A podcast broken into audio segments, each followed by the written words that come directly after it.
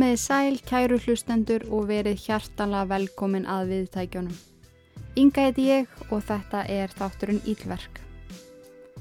Það eru svo sannlega undarlegir tímar í samfélaginu okkar og hvað er þá betra en að gleima sér í smá stund og hlusta á mig tala um skrítna hluti í cirka klukkustund. Já, þáttu dagsins er vægast sagt skrítin og ég viðkenni að ég hló oft uppátt á meðan ég skoðaði málið. Ekki því að mér fannst þetta svo fyndið heldur þá vissi ég bara ekki hvernig ég ætti að haga mér þegar ég las sumar upplýsingarnar. Annars held ég að ættum bara að vinda okkur í mál dagsins og vil ég auðvitað byrja á að minna á að þátturinn er alls ekki við hæfi barna nýja klíugjarna. Svona í alvörunni. Ekki borða á meðan þeir hlustið. Þið munuð guppa upp í ykkur. Ástarsaga Karl Tansler og Helena Hóis. Gjöru þið svo vel.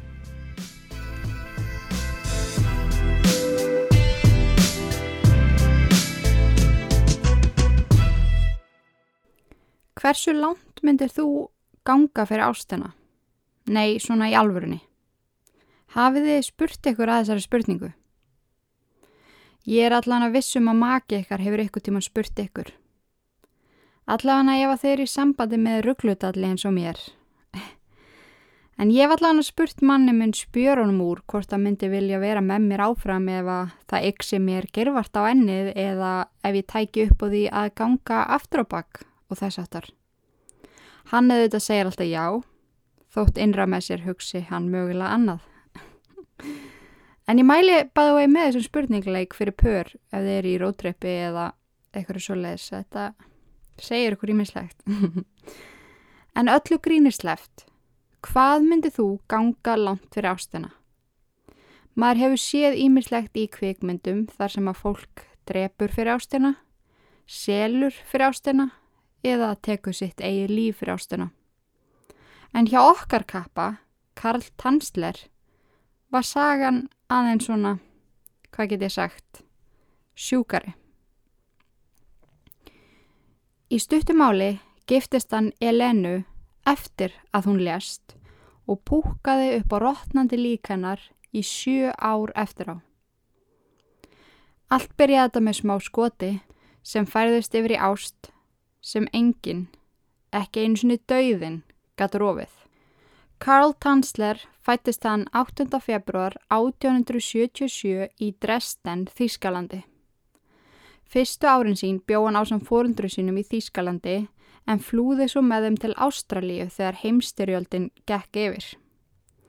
Hann flutti svo aftur heimi fórundru sínum sem voru virkilega bástödd eftir að hafa mist allt. Þegar hann var komin á sín ung, unglingsár ágöður hann að ferðast til Indlands og síðan Suðurhafsegjana. Áður en hann hjælt áfram leiðsynni á seglskútu kom hann við í Ástralíu fyrir vistir og búnað til að geta haldið áfram með æventýrin sín. Hann ætlaði sér líka að tala við skipstjóra í Ástralíu til að öðlast meiri þekkingu á því sviði. Lífans tók hins vegar allt aðra stefnu þegar hann fann ástriðu sína í verkfræði og rafvirkjastörfum. Það kemur ekki beint fram hvort hann fór og læriði þessi fög en það hlýtur allavega að vera því hann endaði á að vera í tíu ári Ástralíu.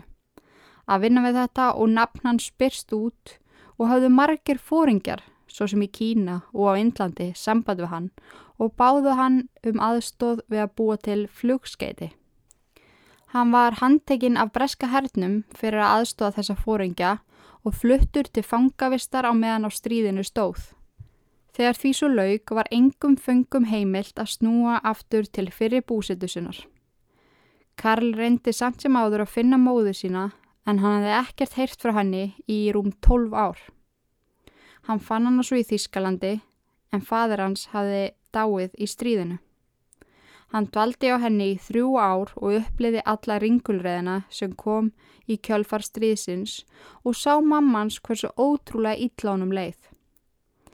Hún lagði það til að hann flytti til bandaríkjana en þar hafði eldri sýstir hans komið sér fyrir. Hann skildi fara til hennar og hefja nýtt líf. Hún gæti ekki hugsa sér að horfa upp á hann kóðuna niður í þessu hrjáða landi þar sem ekkert var í bóði fyrir hann að gera. En á þessum tíma sem hann bjó hjá mömmu sinni kynntist hann fyrstu eiginkonu sinni, Doris Schaefer. og egnaðis með henni tvö börn, Aisha og Clarista. 1926 ferðaðist fjölskyðan frá Þýskalandi, fyrst til Rotterdam, svo til Havana á Kúbu og síðan frá Kúbu til Severhill í Florida.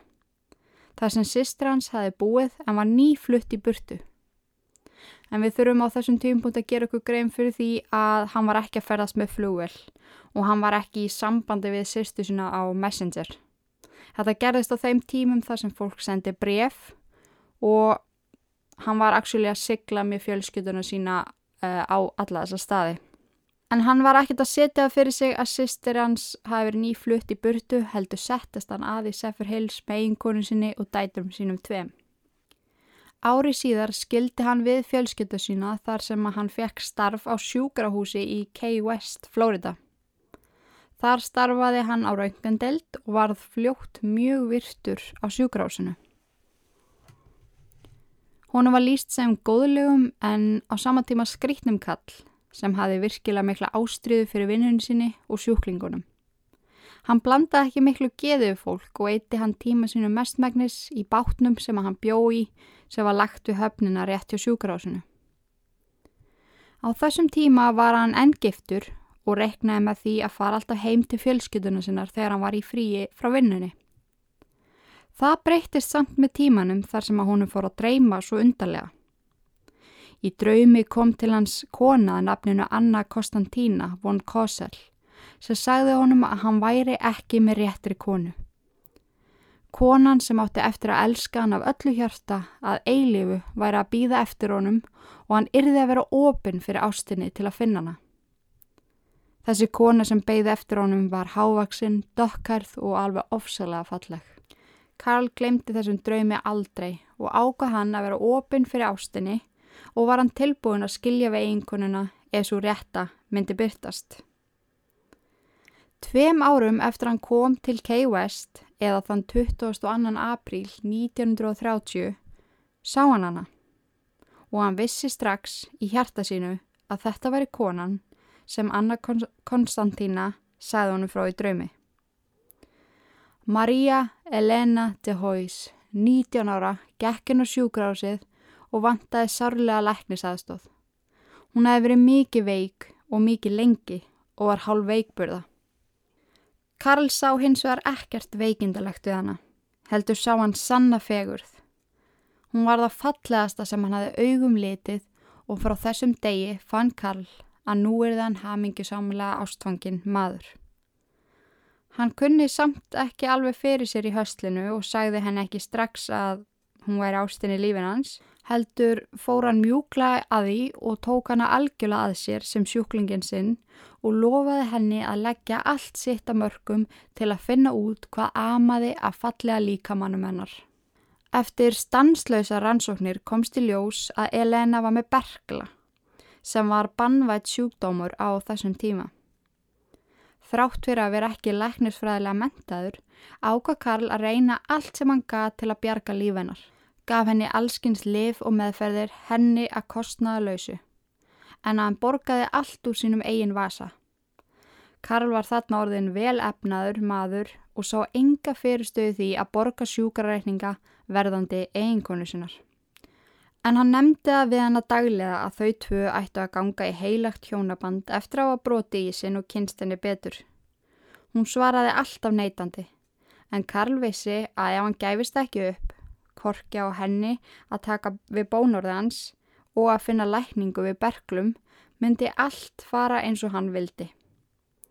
Þegar Elena veiktist ennverð fór Karl með allar græjur heim til hennar og hjælt áfram að reyna hjálp henni.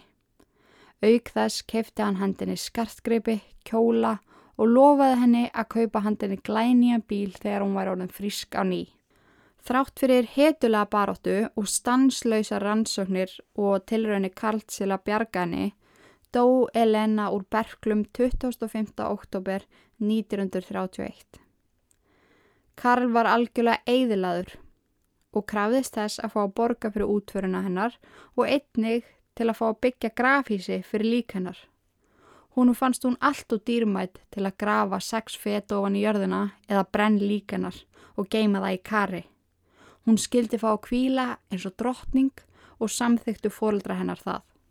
Karl fór á hverju kvöldi að grafhísinu og talaði við Elenu. Í hans huga var hún ekki farin frá honum þegar hann vissi að líka mennar væri inn í grafhísinu. Hann fann rófið á tilöksun að geta farið til hennar. En hann fann það fljótt að það var ekki nóg. Hann þráði að halda utanum hana. Hann þráði lífi með henni sem hann hafi dreymt. Hún var hans eina sanna ást, hvort sem hún lefiði eða ekki. Hann ákvað því í april 1933, tveim árum eftir andlát hennar, að sækja líkið í grafhísið og fara með það heimtið sín. Þar sem líkið var farið að rótna þurfti hann að fara mjög varlega og lagði hann Elenu á kjarru og gekk með hann heimtið sín. Þar lagði hann hann í rúm sem hann hafi búið fallega um fyrir hana og hófst handa við að endurheimta fegurðina sem dauðin hafði hægt og rólega reynd að taka frá henni. En áður við heyrum hvernig hann gerði það, skulum við heyra nokkur orð frá styrstalæra þáttarins.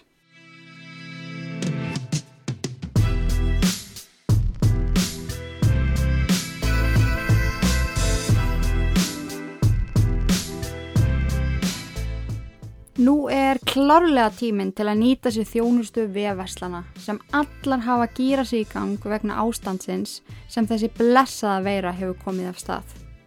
Í dag 18. mars 2020 er 20% afsláttur af öllu inn á lindex.is og heimkersla verður einni í bóði á meðan á tilbúinu stendur. Sem segir okkur það að pakkin er meðhendlaður ennþá minna en einungis af starfsmönnum vefverslun sem gæti hreinlætis algjörlega upp á tíu og er svo kerður heima dyrum af sendli sem er einnig með hreinlætið upp á tíu. Klárlega örugari leið til að versla. En mér langaði bara að hvetja ykkur til að nýta tækifærið og versla ykkur það sem ykkur vantar og nýta ykkur þessa frábæru þjónustu. Mjúkir náttgalar á krílinn, leggskóla, buksur og prakkaran eða þægilegt nærfættasett fyrir þig. Þú finnur þetta allt inn á lindex.is.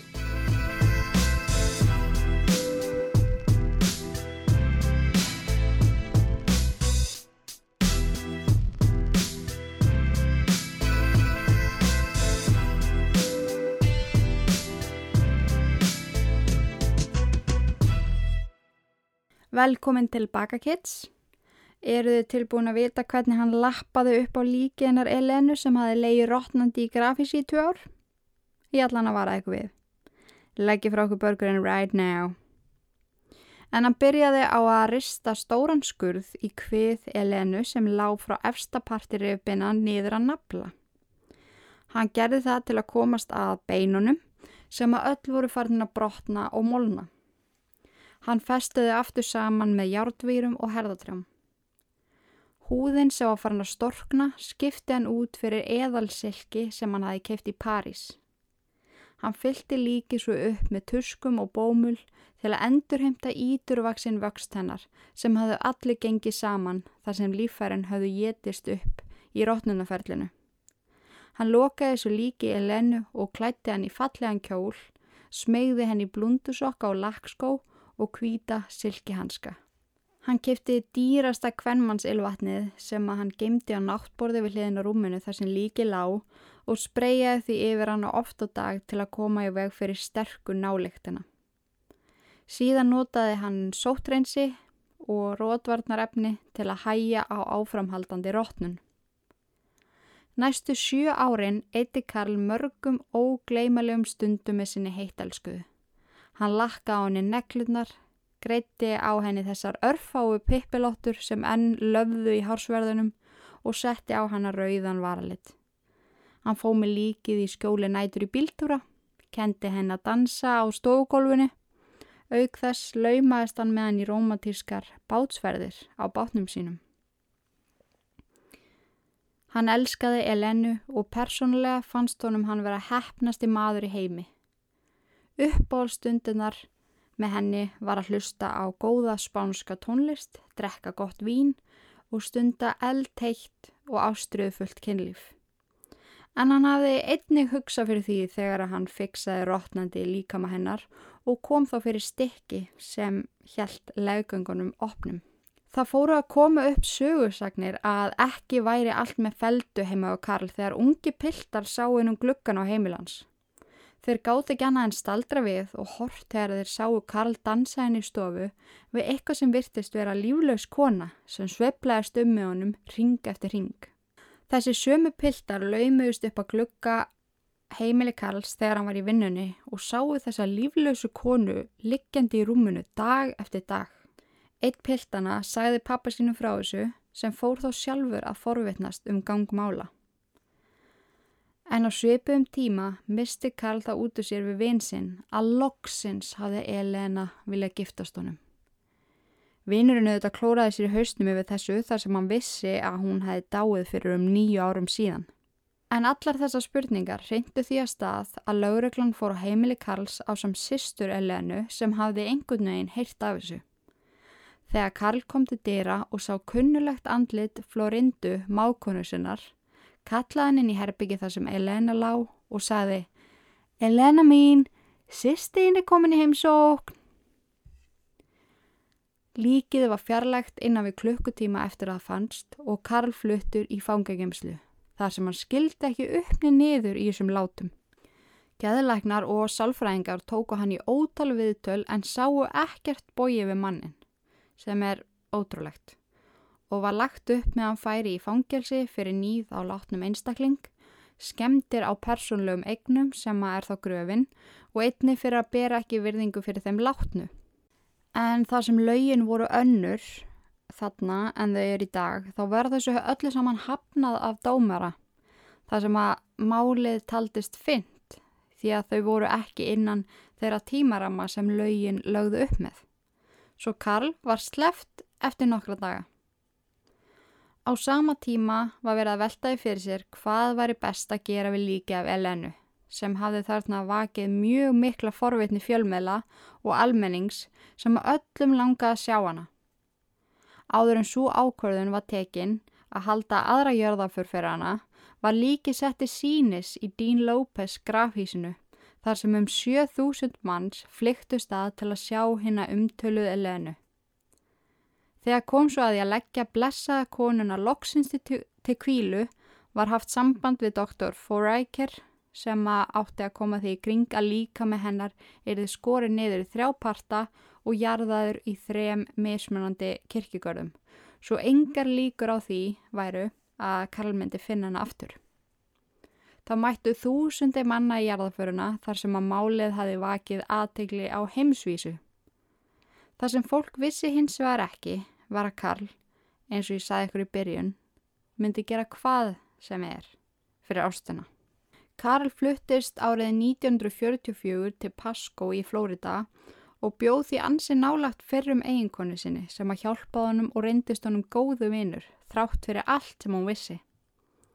Hann hóf að skrifa sjálfs æfisögu sína sem að seldist eins og heita lumur þegar hún kom út. Vákvægt að hlusta á þessa hljóðbók, fann hana á Audible. Þetta er auðvitað mjög áhugavert.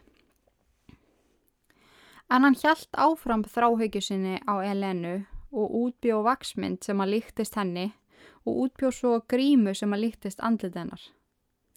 Þetta er allavega það sem fólk hjælt hann hefði gert. En þegar hann fannst svo látin á gólfinu í faðmlægi við þessa vaksmynd, komst hins vegar annað upp.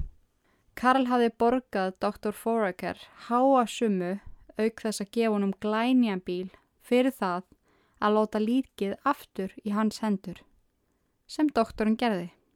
Setna meir kemur það heim og saman á þeim tíma þar sem hann eignaðist hennan glænija bíl, þá skildi enginn uppni niður í því hvernig maðurinn átti efni á svona flottum bíl. En hann hafi látið Elenu aftur í hendu Karl og önnur kona sem hann tók úr grafísinu var bútið niður í þrjáparta og grafin á þrejum mismunandi stöðum. Karl hafði einungi sett grímin á Elenu svo fólk heldi að hún væri vaksmynd. En hann gæti ekki hugsa sér að halda áfram lífið sínu án hennar og ótrúlegt en satt þá lést hann í faðmi Elenu í miðju samlífi við líkið. Hann hefði farið fram á það í erðaskrásinni að vera jarðaður með vaksmyndinni En upplýsingarnir sem ég var að segja ykkur komu ekki fram fyrir en að það var búið að jarða Karl og Elín saman. Og nú ætti blessu konan að fá að loksins kvíla í friði og því var talið ekki var hæfið að grafa hana annan í upp. En hún gata á allavega að hugga sig við það og fólkið í kringum hana að maðurinn elska hana þótt Ástin hafi ekkert endilega verið endugöldin. Það kemur ekki fram hvort doktorinn sem dílaði við Karl og fjekka launum nýjan bíl og búnta seðlum hafi fengið refsingu en hann fjekk allavega að njóta þessi smá tíma rúnda um á stífbónuðum bíl með fulla vasa af seðlum og hann huggaði sig við það að hann hafði öruglega glatt Karlinn. Þótt virðing fyrir þeim látnu hafi ekki beint verið í fyrirúmi þarna. En já, þeir skilja kannski núna af hverju upplýði þessa gæðræðningu á meðan ég var að skoða þetta mál. Þetta er svo fokking skrítið og maður getur ekki annað en skellt upp úr á köplum.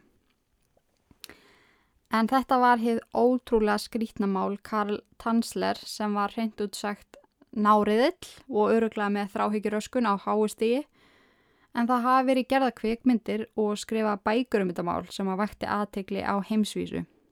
En þið getur til dæmis séð vott af þessari sögulínu í 20. þætti þáttaraðana Blacklist og einnig var gerð mynd sem heitir Marionette sem er lauslega byggð á Ævi Karl. Svo getið við þetta séð myndir af blessaðri Elenu en ég held í alveg að þetta maður gefið niður mínútu þögn þar sem að það var bókstala engin virðing borin fyrir henni þegar hún lést upp berklum 19 ára gömul. En þetta er ótrúlega áhugavert mál og maður einhvern veginn veldi fyrir sér um sálfræðingarnir og geðlæknarnir sem að greindu mannin alveg heilan, sá ekkit á honum. Hvernig það bara gerðist. Allan hafi mútað þeim mögulega líka en það verður að koma fram að Karl var mjög efnaði maður eftir að hafa verið ótrúlega virtur læknir eða rönganlæknir á, á sjúkrásinu og allan hafi ekki bara mútað sér í gegnum þetta allt og hvernig er hægt að vera svona heldtekinn af líki það er ótrúlega góð spurning. Ég held að við ættum að slúta þessari sögu.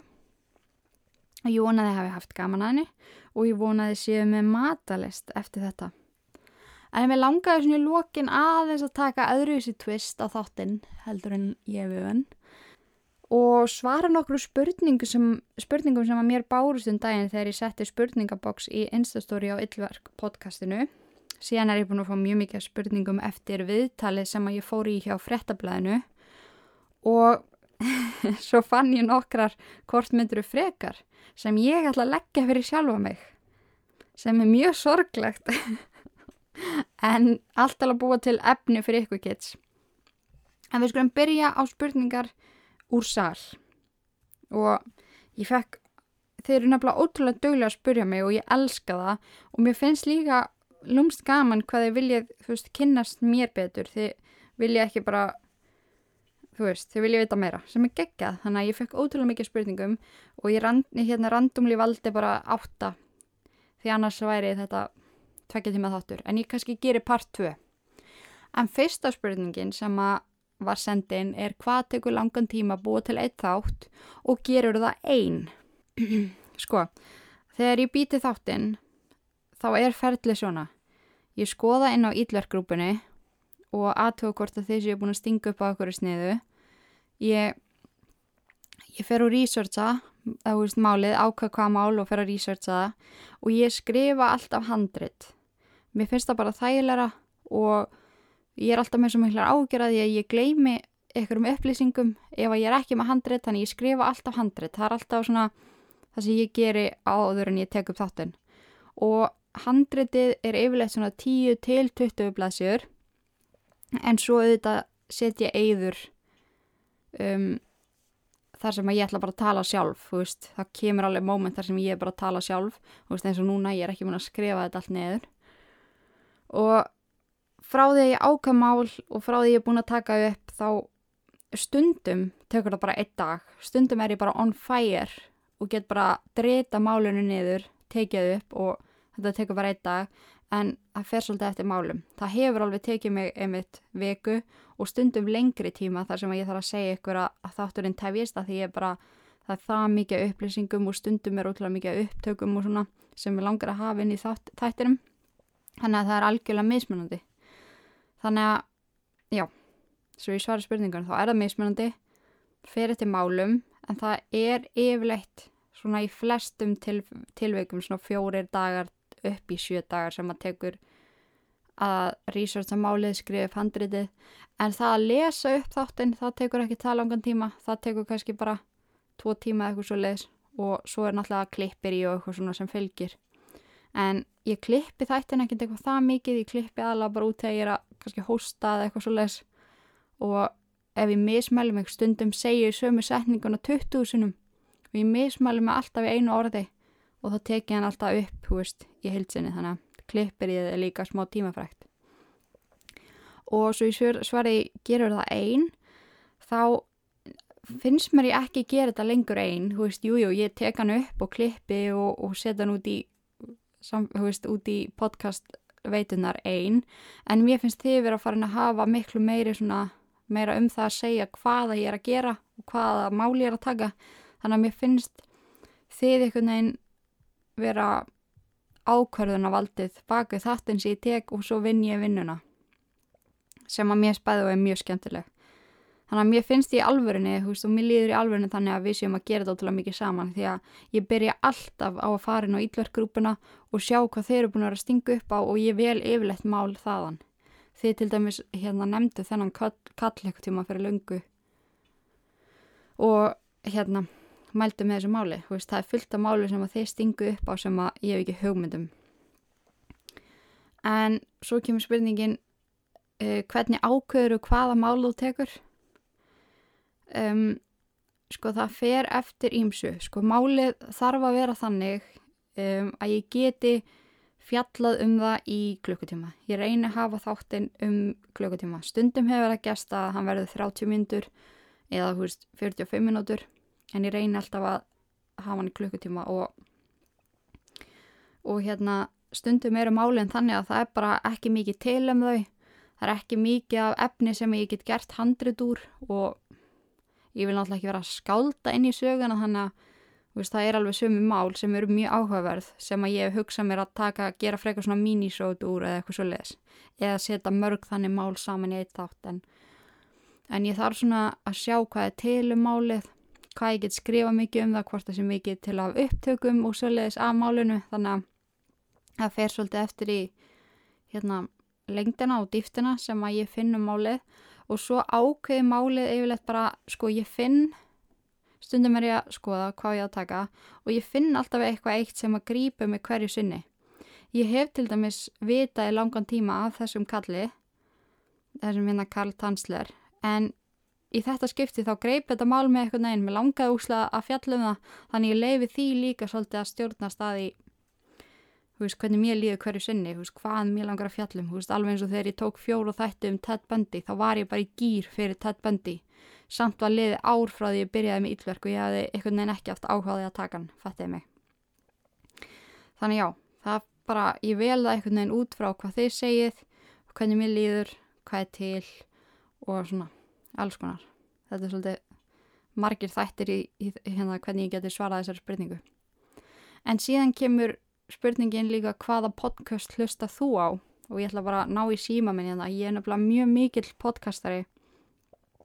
Mér finnst ótrúlega gaman að hlusta á podcast og ég veit ekki hvort ég hef tekið það fram áður en ég er ekki mikið að hlusta á tónlist svona dagstaglega og ég fæ æði fyrir fullta lögum en er ekki mikið að vinna með eitthvað playlista, jú, já, eitt playlista sem ég hlusta alltaf á þið getur fundið hann inn á Spotify hann heitir Diary of Jane en ég er svona lúmskur hvað ég að segja ég, eina tónlistin sem ég næ svona hlusta á lengi til lengri tíma þú veist þessu æfingu og svona er þú veist þungarokk og eitthvað svona.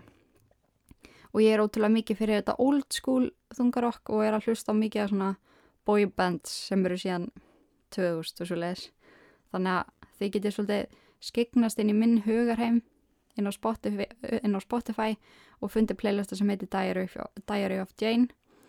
Og þeir sem að þekkið þekkið hérna svona tónlist þá vita að Diary of Jane er titill að lægi sem að mér er mjög gott.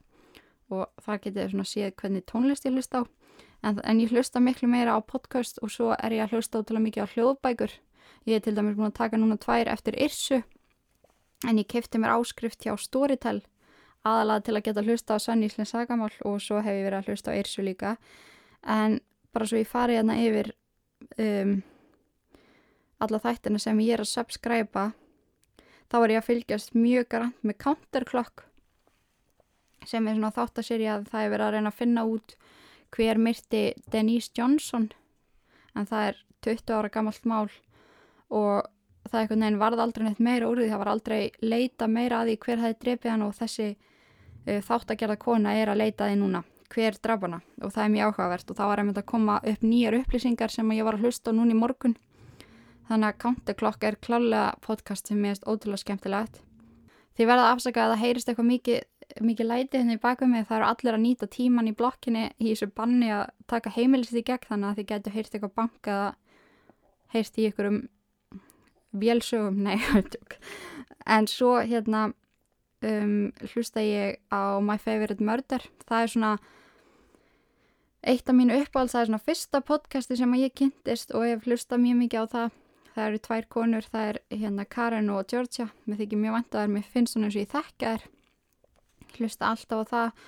And Scale, hann er svona hérna Mike Puget sem er þáttastjórnandi, hann er svona smá umdeldur en mér finnst hann ótrúlega skemmtilegur og taka áhugaverð mál fyrir og hann er meira að taka svona mál sem að veist, hann er ekki að taka fyrir ráðmóðingi eða eitthvað þannig að hann taka svolítið mál sem eru kannski nýlæri og kemst einhvern veginn í tæri við alls konar Uh, viðtöl og yfirheyslur og eitthvað svona sem er erfitt að finna á netinu þannig að það er að kynnast ótrúlega mikið af málum hjá Svordin Skeil svo er ég með Crime Junkie hérna inn og, og ég veit að Crime Junkie er mjög vinsalt podcast en ég eitthvað nefn bara á svo erfitt með eitthvað nefn að hlusta. Mér finnst Ashley Flowers sem er með Crime Junkie mjög áhugaverð svo, og er gælla í podcastinu sem heitir Brit.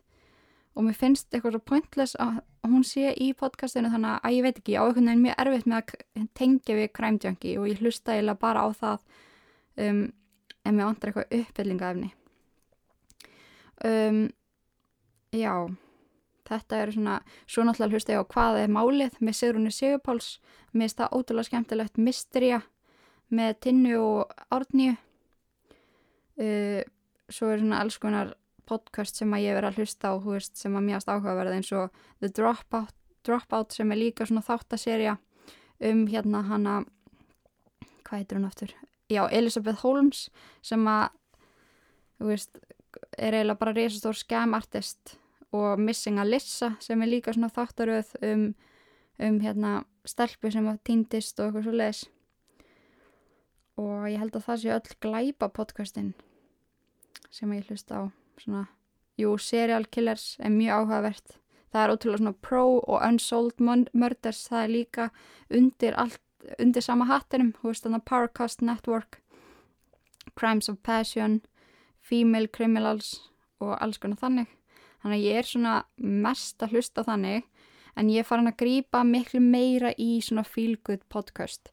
Og er alltaf að vera grínin alltaf mitt uppáhald. Og ég vildi óska að þau gæfi út þátt daglega í alvegni þau, þú veist, ég hef hlustað þættina þeirra mjög oft. Og þetta er svona podcast, þetta er svona ég myndi setja þau undir sama hatt og Friends. Þú veist, maður setur á Friends þegar maður svona veit ekki alveg hvað maður er að horfa á en langar að hafa eitthvað í gangi, setur á og það er sama með, það er alltaf að vera grín. Ég hlust á Hæ Hæ með Helgasjón og Hjálmarörn, mér stæðir snillingar. Og síðan hlusta ég á hérna góða fólkið með rasshauðsa vinum mínum hann að þrem. Mér finnst þetta mjög fyndinir ég mætti verið gestur í einum þættiðinum þeirra. Og mér finnst pínu eins og ég sé fjóruði tíndi þar hérna góða fólkið bróðurinn en það var mjög skemmtilegt. Og síðan hlusta ég á bara við með Solrúnu og, og Kamilu mér er æðislar ég, einhvern veginn, þetta er svona þannig podcast að þú þér langar ótrúlega mikið að koma einhvern veginn inn í umræðina veist, það er ótrúlega gaman að hlusta að spjalla og það er eiga svo fallega vinóttu einhvern veginn og mjög mikið svona fylgut og svo náttúrulega tvíhöði en ég er alveg forfallin aðdándi tvíhöða og Jón Gnars og Sigurðan Kjartasons og horfið mitt mjög mikið á fósbræður og, og hérna er mjög mikill fan, hann er hlusta það. Og svo er ég nýbyrjað að hlusta á hérna uh, du, du, þetta heitir Hlaðan og þetta er Hlaðavarp bændablaðsins. Sko mér er kannski ekki eitthvað sérstaklega áhugavert en þetta algenga sem að veist, það er verið að taka þætti einu sinni viku en ég hlusta eiginlega bara á kaufilaði með Jónignar sem er ógeðsla fyndið. En þá fer hann í búning kaufilagstjóra og talar um allskynns þannig að já, ég held að ég held að þetta sé sirka allt sem ég sé að hlusta á en það getur verið ég sé að gleyma ykkurum Jú, góðir hálsar með binna löfi Kristínu Péturs og Starkaði mér stað mjög skemmtilegt líka. Og fram á við sem er um, hérna framleitt af Rúf þar sem er verið að taka uh, við til við alls konar flotta einstaklinga þá til dæmis tók hann hérna um, hann tók upp viðtal við sýstu mína Lói Dabirtu sem var Rekur Lindex á Íslandi. Þannig að hann tekur uh, viðtal við alls konar áhugaverða einstaklinga. Þannig að já, ég er mjög mikill podcast unnandi og hef gaman af alls konar þáttum. Þannig að þeim er líka verið að dögulega að benda mér á eða ef það er ykkur podcast sem að ykkur finnst ég eftir að hlusta á. En já, uh, síðan er það spurning sem að kom svolítið í kjölfarið á viðtalinu sem að ég fór í hjá frettablaðinu en ég fór í mjög svona personlegt viðtal þar uh, en þeir sem svona hafa hlustað sem lengst á yllverk og hafa kannski fyllt mér líka bara í lengri tíma að vita um, um allskins erfileika sem ég lendi í og eitthvað svo leiðis og, og hérna hvernig ég er svona risið upp frá þeim ef að svo má orðið komast. Þannig að það komu nokkru spurningar í kjölfarið á viðtalinu og ein spurning sem að kom var hvernig tekstu á við þunglindi og þá erfileika sem að þú hefur talað um í þáttunum. En í stuttumáli þá tekst ég á við þunglindi og þá um, geðsjúkdóma sem að ég eh, er að díla við bara með hálkjörðu aðruleysi. Ég náttúrulega byrjað á því að, að leita mér aðstóðar sem að ég mæli náttúrulega með að allir geri. Uh, og fer til salfræðings mjög reglulega. En það er bara skemmtileg saga líka að segja frá því að, að hérna, salfræðingurum minn hafi verið að hlusta á yllverk og var svo bara eftir fjórða að fymta tíman okkar sama bara já, býta þetta þú? Svo var mjög fyndið moment.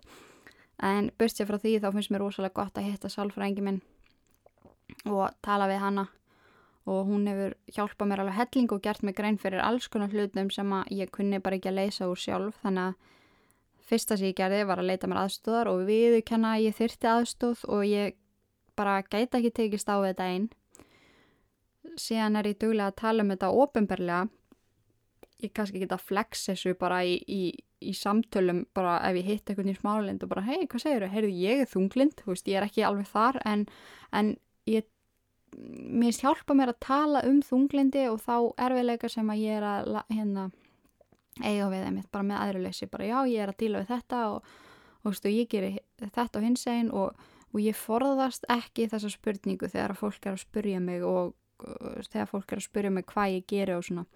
Ég er svona að reyna í hu mínum huga að taka þannan stimpil af geðsjúkdómum því að um, fyrst þegar maður heyri orðið geðsíki þá, þá hugsa maður strax um eitthvað neikvægt þá fær maður alltaf inn og bara hugsa um American Psycho og eitthvað svo lesa því að það er náttúrulega bara búið að setja ótrúlega slæman stimpil á geðsíki og að þeir sem eru geðsjúkir séu einmitt eitthvað klikkar þannig að ég svona tók mér smá tíma að átta mig á því að ég væri ekkert eitthvað klikkuð, ég væri enþá bara ynga en ég þurfti bara að díla við alls konar aukaverkanir og síðan reyn ég bara að taka eitt dag í einu og reyna að hafa daginn um, eins ánægulegan og ég ekki mögulega geti, ég tek náttúrulega lefið mín og reyni mitt bara, já, besta orðið er aðruleysi, hú veist.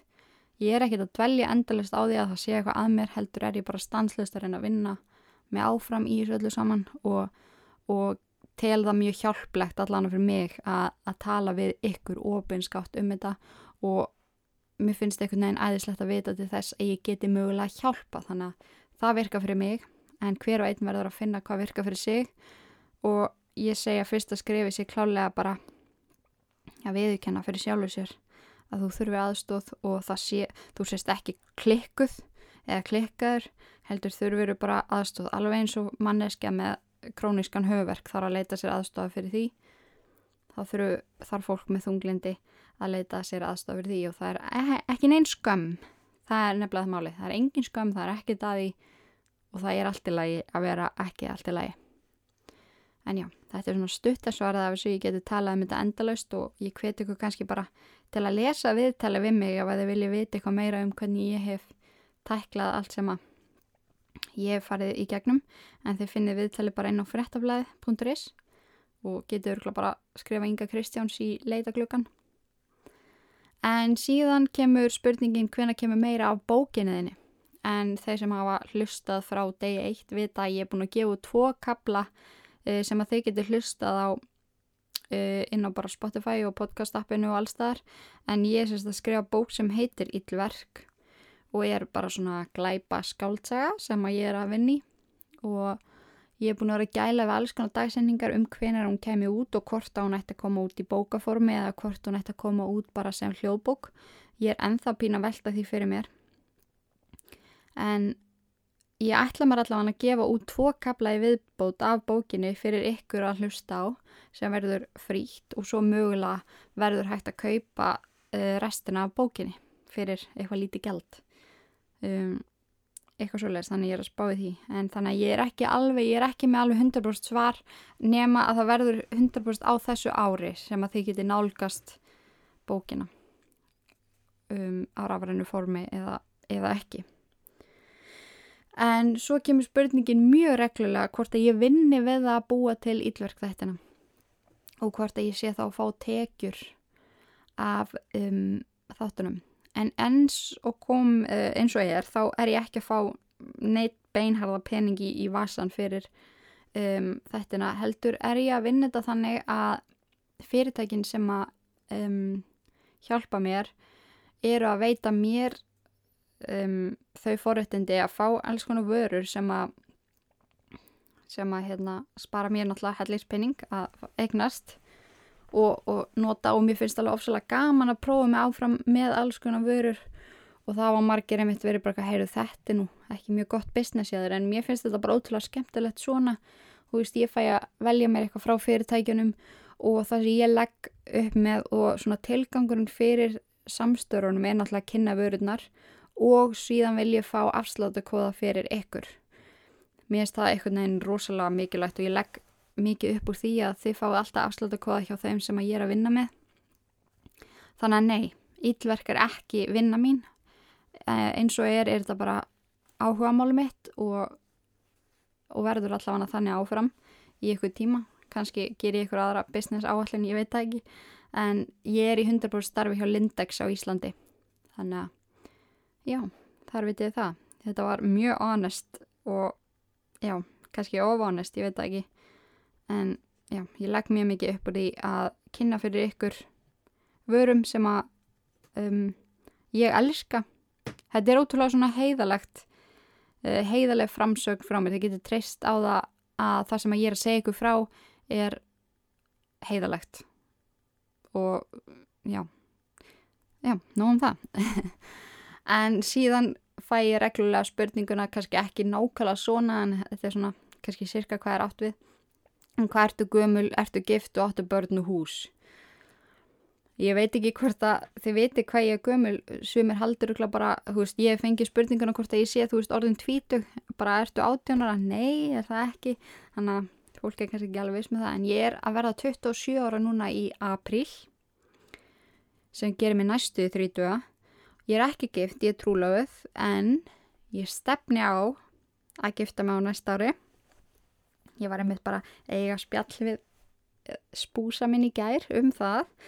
Ég kannski leiði ykkur að fylgjast betur með því og ég á engin börn og ég á ekki hús heldur á ég íbúð.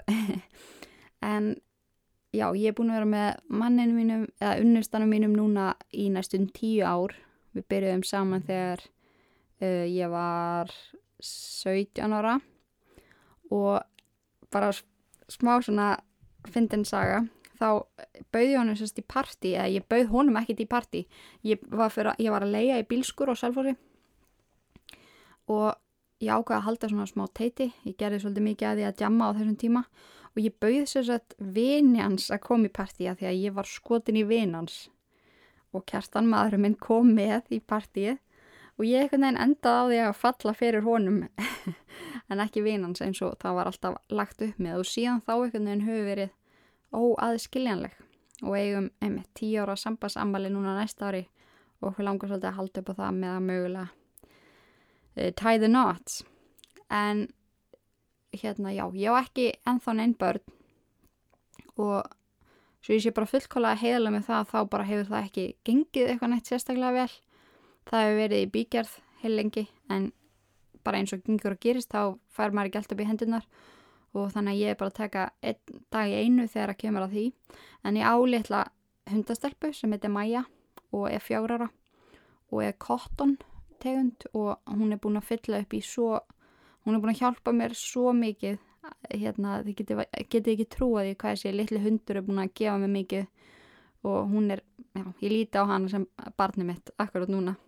Og síðan á ég íbúð í Garðabænum sem að ég kefti mér á samt kærastanum mínum fyrir einhverjum þrejum árum síðan og það er fyrsta eignin sem að við kaupum okkur saman Já, þannig að, já, eins og ég sagði þá bars mér aðra grúa af spurningum og ég ákvaða að velja bara svona eitthvað handahófi og eins og ég segi þá get ég tekið rán tvö setna ef eitthvað finnst þetta skemmtilegt. Þú veist, eins heiðuleg og ég er við ykkur, þá vil ég að þið séu heiðuleg við mig og segi mér bara eitthvað, ó, nei, við nennum ekki ykkur svona spjallið um þig, nenni að segja mér það því að mér langar að hafa þættina skemmtilega.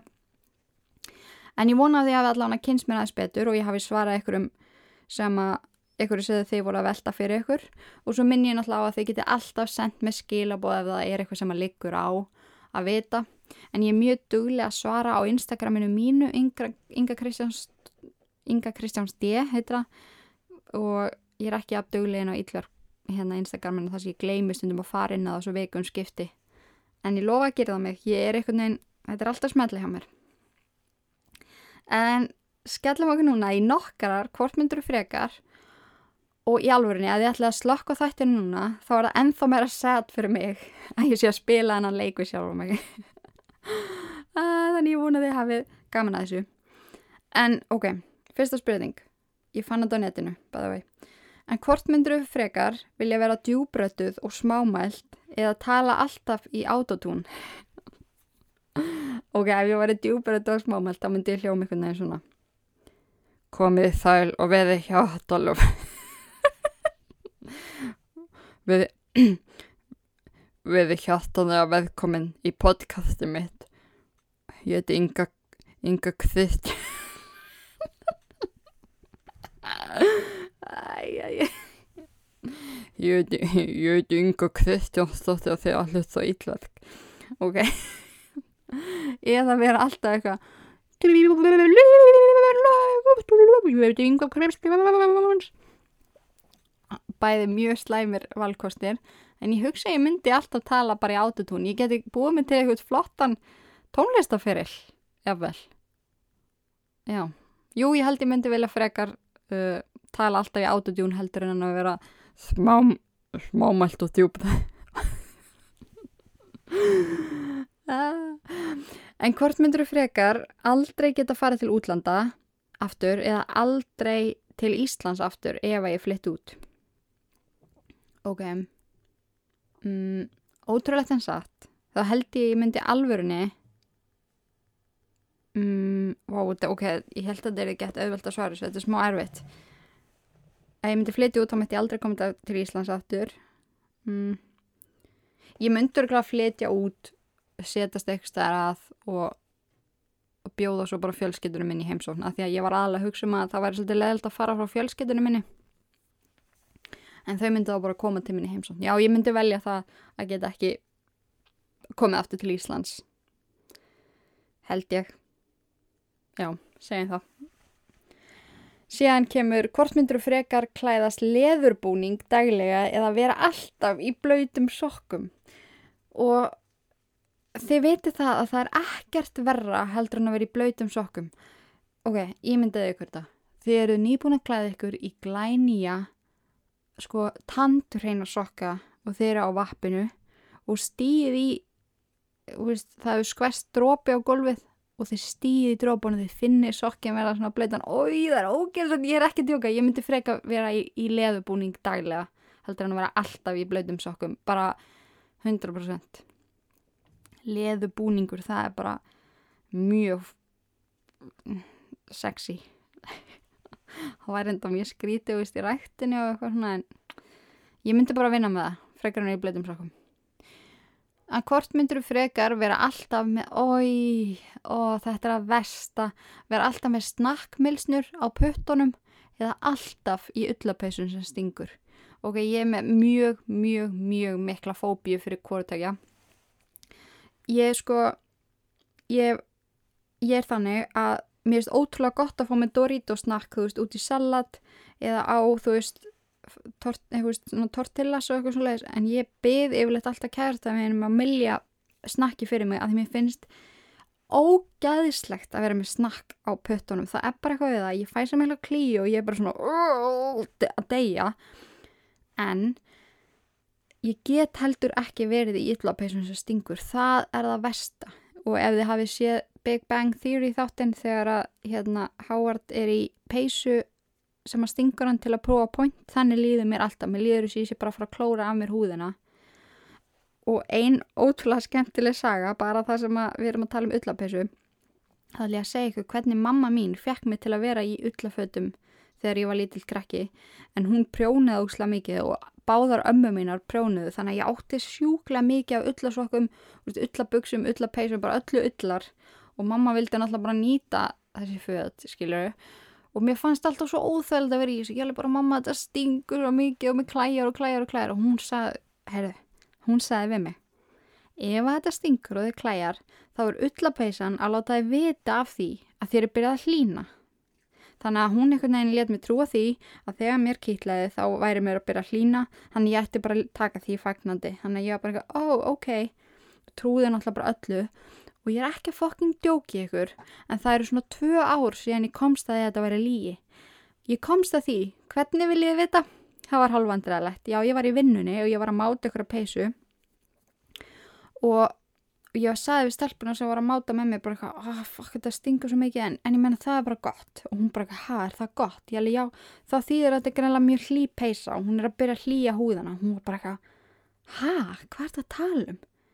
Ég alveg, þú veist að þegar maður fer í öllapæsun og hún stingur og, og hérna manni klæjar þá er það bara hitin skilur að byrja að myndast í húðun og hún bara eitthvað þetta er mesta crap sem ég hef heyrt hvað er þetta að tala um og þá var ég bara eitthvað mamma, ég ringdi hérna bara þetta hvernig væri að leiðri þetta svona? Og ég er bara búin að trúa þessu alla æfi og blíf mig, ég er með fullt á svona sögum þar sem að ég hef trúa alla æfi einhverju bylli sem að fóröldrar mín að hafa logið að mér sem þau glemt að leiða þetta en já þannig, ok, milsnur eða öllapeisu stingur? Þetta er mjög, mjög slæmir valkvöstin, en ég held ég myndi velja öllapeisuna því að það er ógeðslega að vera með snakk á puttunum ég geti, hú veist alltaf með snakk á puttunum það er, njá, öllapeisan allan daginn þegar mig láta mig vita hvað þið myndi velja. En ok, var þetta ekki skemmtilegt? Ég allavega, ég einn hérna sem var að leggja hana leik fyrir mig skemmti mig konunglega og ég vona því að við gerst það líka.